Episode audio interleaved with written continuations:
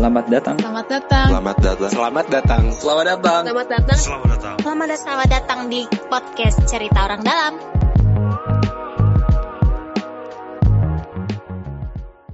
Assalamualaikum warahmatullahi wabarakatuh. Selamat sore semuanya. Selamat sore Nali. Selamat sore juga, Vivi. Ya, ini adalah segmen baru dari Cerita Orang Dalam Podcast. Hmm. Uh, jadi segmen baru namanya Ada Perempuan. Hmm. Segmen yang saya, Vivin, Insya Allah host tetap, tapi nggak tahu ya kalau ke depan ke depannya bakalan diganti. Jadi uh, di segmen ini, segmen ada perempuan nantinya akan membahas. Uh, ini sebenarnya di cerita orang dalam ini segmen uh, ide lama gitu ya, Hmm. cuman baru tereksekusi sekarang. Jadi nantinya di segmen ada perempuan ini bukan hanya uh, membahas tentang isu-isu perempuan saja, tapi ke depannya juga akan membahas isu-isu yang menarik lainnya yang Oh, oke. terkait tentang pembangunan perkotaan, keberlanjutan seperti itu. Jadi dalam episode yang pertama ini special guest ada Nali. Yeay, makasih. Jadi tema pertama kita ini tentang uh, pelindungan perempuan dan anak. Oke. Uh, Nali bisa ini dong kenalin diri dikit kira-kira kegiatannya selama ini apa? Jadi kenapa? Jadi kan ini aku panggil Nali ke sini untuk Hmm. diskusi ya ngobrol-ngobrol tentunya Nali udah udah apa ya setiap hari makanannya ngomongin soal perlindungan perempuan dan anak mulu. Gitu ya. Eh, ceritain Ya. dikit dong kenalin dikit dirinya gimana gitu Oke, eh ya em, kalau misal nama lengkap Mm-mm. eh, Nalikoy, Nalikoy Mm-mm. Insowi Binderi Sarwom atau biasa bisa dipanggil eh, Nali, Nelly, eh, apa pun itu gitu. Eh, udah kalau ditanya udah berapa lama sebenarnya sih eh, berkecimpung eh, ini lumayan ya dari dari saya lulus eh, kuliah kebetulan di tahun 2011-an oh udah untuk senang makanan sehari-hari ya iya senang udah tertarik gitu Ah, ah, dengan ah. eh, isu perempuan dan anak tapi Mm-mm. kalau berbicara khusus perlindungan perempuan dan anak Mm-mm. eh, baru di eh, dua tahun belakangan inilah gitu Mm-mm, benar-benar mm-mm, mm-mm. specialize di sini dan kebetulan senang gitu eh, berbicara seperti itu tentang perlindungan ini dan apa yang dikerjakan sih lebih kepada menganalisa kebijakan-kebijakan yang dikeluarkan eh, khususnya di pemprov DKI Jakarta oh gitu, sih Vin. Mm. Heeh, bagus banget ya maksudnya. Kalau aku sih sebenarnya tertariknya udah lama ya soal perempuan dan anak ini, cuman eh, karena karena eh, ini sering ngamatin juga tentang aktivis-aktivis gitu, maksudnya Hmm. isu-isu perempuan, pegiat-pegiat sosial perempuan gitu sering ngikutin-ngikutin juga. Dan yang akhir-akhir ini kan ada apa ya banyak tuh berita-berita, isu-isu, apalagi yang dari dua tahun 19 ya Ya. itu terkait RUU PKS. Ya. Nah, yang sekarang juga udah berubah jadi RUU TPKS. Eh, banyak konflik-konflik, pro kontra. Nah, kemarin ada sedikit tentang Permendikbud 030 ya, Iya. tahun 2021. Nah, itu juga maksudnya sebenarnya ini suatu menurut saya ya, sebenarnya suatu lonjakan yang besar. Maksudnya bagus gitu ya untuk Hmm. ada hukum untuk melindungi perempuan dan anak Hmm. gitu kan. Jadi eh, tapi menurut saya juga eh, ini gebrakan yang baru, loncatan yang yang sangat bagus. Tapi sebenarnya eh, ada ada gap ataupun banyak yang belum tahu eh, bahwa eh, kekerasan perempuan dan anak atau perlindungan perempuan dan anak. Nanti kan muaranya di ada kekerasan perempuan dan anak gitu ya. Hmm. Analia. Eh, kalau menurut Kanali sendiri gimana sih pandangannya terkait kekerasan ataupun eh, pelindungan anak ataupun pelecehan kekerasan perempuan dan, dan terkait isu-isu yang terkini ini? Iya, eh, kalau misalnya mau berbicara soal peraturan-peraturan ya, Mm-mm. eh, opini saya sendiri, it's about time gitu. Mhm. Eh, ya memang sudah sudah saatnya kita membutuhkan peraturan-peraturan yang memang secara khusus dan spesifik mengatur eh, tentang perlindungan perempuan dan anak, khususnya di ranah eh, pelecehan seksual atau Mhm. em, kekerasan-kekerasan eh, yang yang yang lainnya. Sel- Selama ini memang sudah ada dan eh, kalau misalnya kita perhatikan sendiri kan ada konve- konvensi tentang eh, penghapusan kekerasan terhadap perempuan dan anak Mhm, atau eh, diskriminasi terhadap uh, perempuan yang sering disebut CEDAW kalau misalnya Mm-mm, pernah mm-mm. dengar Iya dengar. kita kita udah meratifikasi itu cukup lama udah tiga literally 37 tahun yang lalu gitu dan baru di tahun ini eh, isu ini mulai naik jadi mulai Mhm. gencar lagi gitu Eh, saya rasa sih mungkin memang efek dari begitu banyaknya kampanye-kampanye begitu banyaknya komunitas-komunitas organisasi-organisasi yang memang eh, cukup vokal Mhm. menyampaikan eh, terkait isu ini dan ini sudah saatnya untuk untuk apa eh, di- dibahas gitu. Eh, tentunya sih eh, PR kita untuk memastikan ini eh, peraturan betul-betul ada dan eh, bisa terlaksana dengan baik masih panjang ya Mm-mm, gitu. But eh, paling tidak kita sudah ada Bagus eh, lah ini ya. mengarah ke sana benar udah udah oke sih. Mm-mm, udah gitu. oke.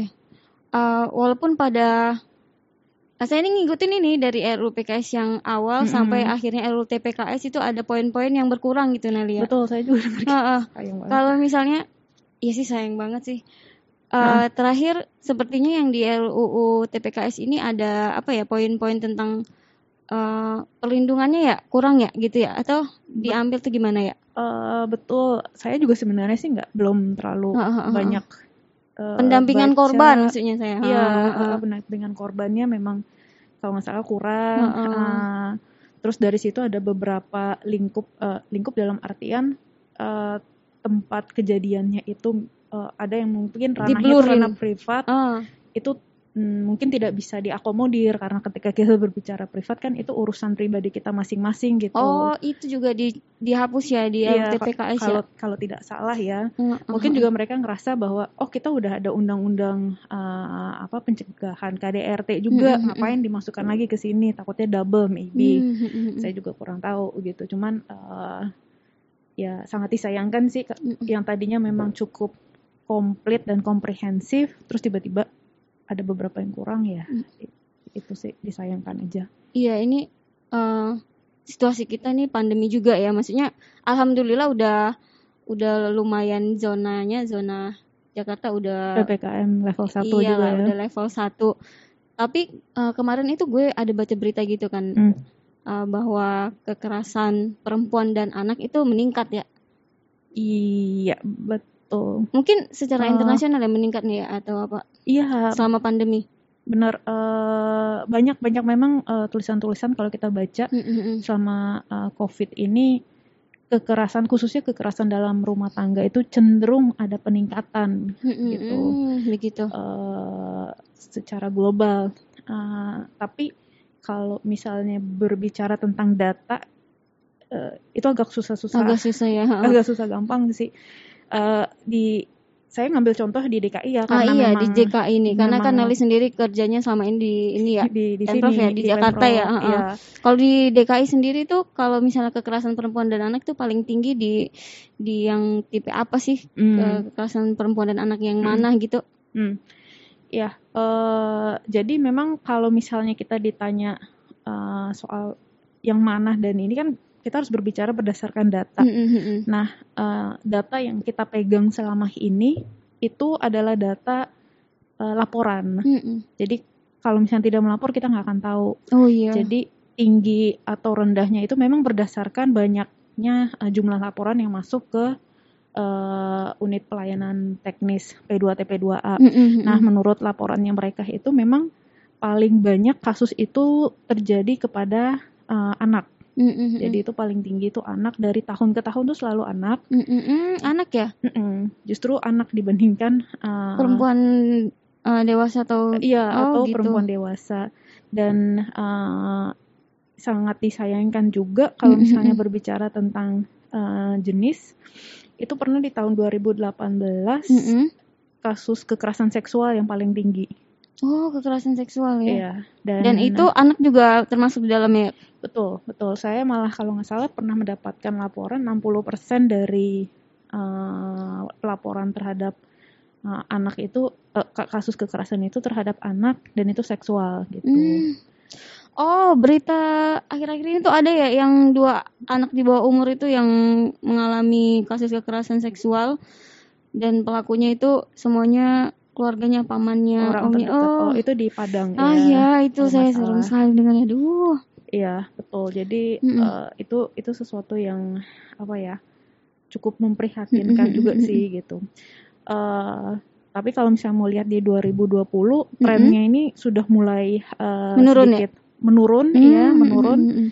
dan juga lebih condong ke psikis oh sekarang gitu psikis, mentalnya. iya heeh. mentalnya Ya lagi-lagi kita nggak tahu ya karena eh, COVID Mm-mm. banyak khususnya di tahun 2020 kemarin itu uh, beberapa Mhm. pelayanan kita tuh memang terpaksa harus uh, ditutup sementara oke menyesuaikan gitu Uh, kita harus merubah yang tadinya secara fisik kita ketemu Mm-mm. jadi online iya nah ini kita nggak tahu apakah efek online ini membuat uh, korban cenderung uh, enggan untuk uh, melapor Mhm. karena ya dia otomatis kalau misalnya uh, quote unquote pelakunya itu adalah anggota keluarganya sendiri seperti kasus di Padang itu iya uh, bagaimana cara dia melapor sementara si pelakunya itu tuh ada di depan mata dia atau dekat dengan uh, dia nah mungkin ini juga yang menyebabkan uh, angka itu angka laporan yang masuk juga cenderung menurun gitu Iya, di tahun menurun. 2020 Mm-mm. khususnya 2020 gitu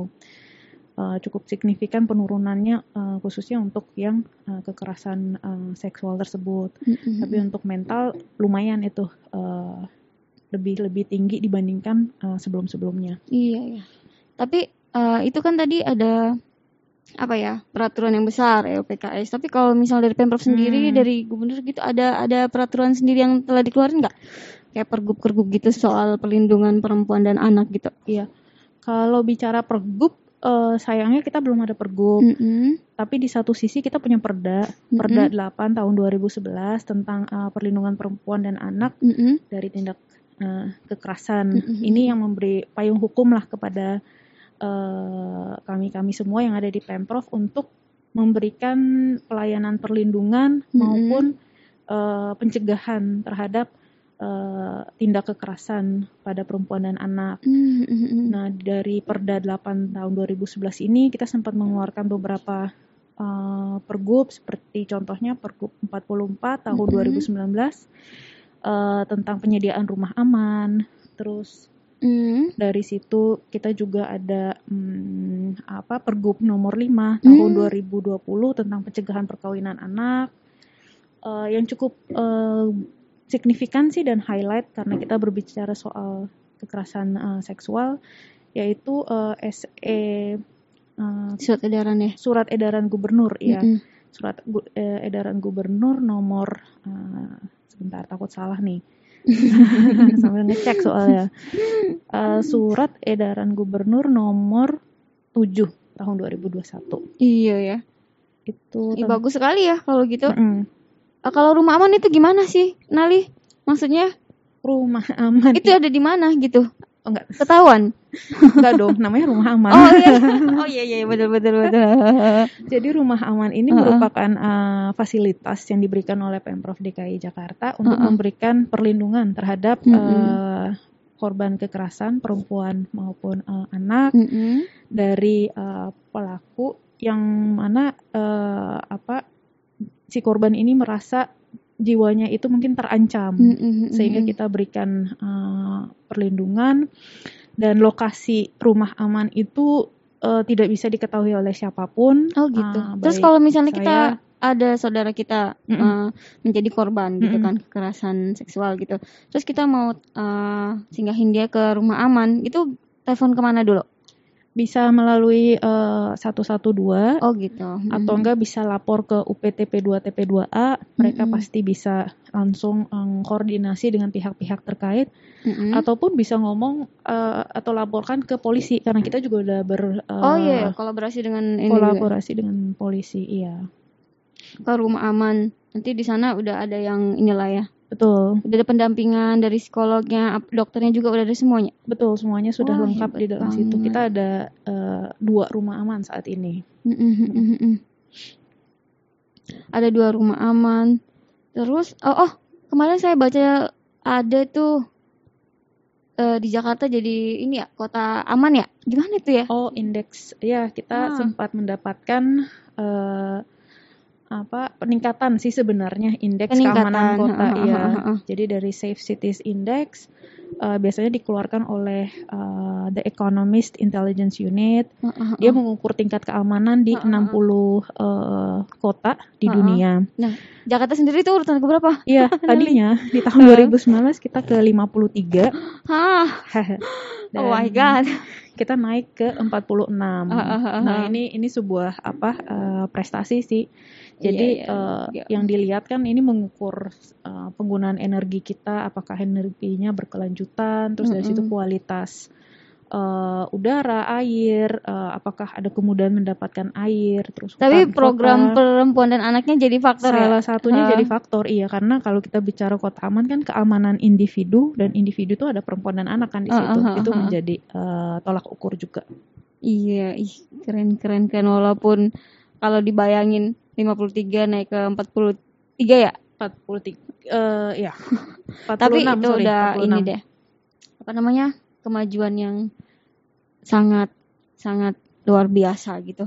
Terus kalau upaya-upaya lain selain rumah aman itu Pemprov apa aja, Mbak? Eh, apa aja kan? Apa aja Nali? Apa-apa. Eh, selain ada rumah aman Mm-mm. eh, kita juga memberikan layanan eh, pusat pelayanan terpadu Mm-mm. di 32 RSUD kita jadi ini Mm-mm. pelayanan eh, medis jadi Mm-mm. bila mana korban membutuhkan atensi medis bisa eh, mendapatkannya di seluruh RSUD milik DKI Jakarta. Kemudian eh, mereka juga bisa mendapatkan layanan visum di situ, visum eh, repertum maupun psikiatrikum secara gratis. Mm-mm. Eh, selain pusat pelayanan terpadu, kita juga memberikan layanan pendampingan korban, Mm-mm. eh, pendampingan hukum. Itu juga semuanya eh, gratis melalui UPTP 2 TP2A. Tuh. Oh, baik-baik. Jadi kalau kita lihat kemarin eh, yang perubahan RUU itu eh, untuk perlindungannya kayaknya poin-poinnya tidak ada, tapi ini kalau di Jakarta sendiri sudah menyediakan ya Betul. untuk perlindungan korban sendiri ya. Jadi bisa eh, kita apalah namanya perempuan dan anak ini eh, perlindungannya lumayan atau terjamin lah ya insya Allah di Iya, Jakarta kalau misalnya jangan sampai sih kejadian seperti itu ya. Iya. Eh, ini kan 16 hari menuju hak hak TP, hak KTP ya, Hari Anti Kekerasan terhadap terhadap perempuan ya. Iya. Nanti yang muaranya di tanggal 10, 10 Desember, ya, Desember. Hari HAM Internasional ya. Nah, ini gimana? Pemprov sendiri ada kolaborasi terkait eh, hak TP ini? hak KTP. Iya, Mm-mm. sebenarnya ini sedang berlangsung. Kemarin kan kita udah kick Mm-mm. off tanggal 25 eh, November Mm-mm. dan akan puncak acaranya di 10 Desember. Kita Mm-mm. melaksanakan berbagai macam eh, webinar-webinar kolaborasi pastinya dengan eh, komunitas-komunitas eh, yang peduli dengan eh, perempuan dan anak. Salah satu kalau nggak salah eh, Girl Up mereka tertarik untuk bantu. Terus dari situ ya pastinya Komnas Perempuan, eh, Iya, Komnas KPAI, Perempuan, KPAI. dan eh, kemarin 15 perguruan tinggi juga sudah em, melakukan kolaborasi dengan kita Mm-mm. untuk menjadi narasumber di berbagai webinar kita dan mereka juga sendiri buka pos sahabat perempuan dan anak di kampus-kampus mereka untuk menerima aduan-aduan Oh, em, itu terkait pelecehan. oh ya Satgas Perempuan kayak di kampus gitu ya. Betul Bang? di kampus, ah, iya itu. Jadi eh, lumayan sih. Terus eh, tentunya sih melalui DPP APP dan eh, mungkin dinas-dinas terkait yang lainnya kita akan coba untuk terus kampanye gitu, Mm-mm. untuk lapor ke 112, lapor ke polisi Mm-mm. atau eh, langsung datang ke UPT P2 TP2A Mm-mm. atau Posapa, apa pun itu yang penting kita ingin menyampaikan bahwa kita itu berhak aman dan kita harus melindungi perempuan dan anak. Jangan takut untuk eh, berbicara, Iya, jangan diam diri. Gitu ya sih. jangan beranggapan bahwa kalau misalnya menjadi korban itu menjadi aib, jangan begitu ya. Ya, Nah, lihat. Oke, kalau terakhir deh, ini harapannya apa deh? Melihat semua fenomena yang ada, terus upaya-upaya yang sudah dilakukan oleh instansinya Nali sendiri, harapannya ke depannya apa? Tentang ya pencegahan, perlindungan kekerasan perempuan dan anak atau apa gitu. Iya, yang pastinya sih harapan besarnya bahwa kita benar-benar mewujudkan eh, apa yang diharapkan oleh berbagai macam orang yaitu mengentaskan tindak kekerasan terhadap perempuan anak dan Mm-mm, anak gitu. mm-mm, mm-mm. Suatu saat kita bisa berbangga untuk bilang kita sudah zero kekerasan terhadap perempuan dan anak di DKI Jakarta. Itu sih harapan. Tidak hanya zero besarnya. kelaparan ya. bukan hanya zero hunger betul, tapi, tapi eh, kita bisa ada eh, bahwa tindakan kekerasan ini benar-benar nol. Sebenarnya bukan perempuan dan anak, tapi kepada keseluruhan eh, individu gitu. Eh, dan bisa mencapai sebuah kota yang aman dan tapi kalau misalnya bicara khusus untuk perlindungan ya kembali lagi tadi gitu untuk kalau misalnya kita melihat mendengar atau mungkin jangan sampai ya mengalami jangan segan-segan untuk melaporkan itu baik ke aparat ataupun ke orang-orang terdekat kita jangan diam diri lah Iya. Oke, ini waktunya kayaknya aduh. Ternyata habis ternyata ini ya nggak terasa ya. iya Tadi tadinya kita mau ngobrolin 10 menit atau 15 menit aja. Ternyata sudah mau 30 menit ini. wow oke Oke, ternyata uh, sangat ngalir ya. Makasih. Uh, jadi kita close tadi dengan harapannya Nili, uh, harapannya Nali bahwa semoga kita bisa mewujudkan ya uh, Jakarta khususnya untuk aman perempuan dan anak. Ini diskusi episode pertama di ada perempuan. Ya. Selanjutnya uh, bisa ngobrol-ngobrol lagi ya Nali kalau Boleh. misalnya hmm, ada topik-topik yang enak nih untuk diperbincangkan. Baik, uh, untuk episode pertama ada perempuan. uh, sampai di sini dulu. Lanjut lagi di episode kedua, ketiga, keempat, dan episode selanjutnya. Terima kasih Nali, terima kasih semuanya. Bye. bye bye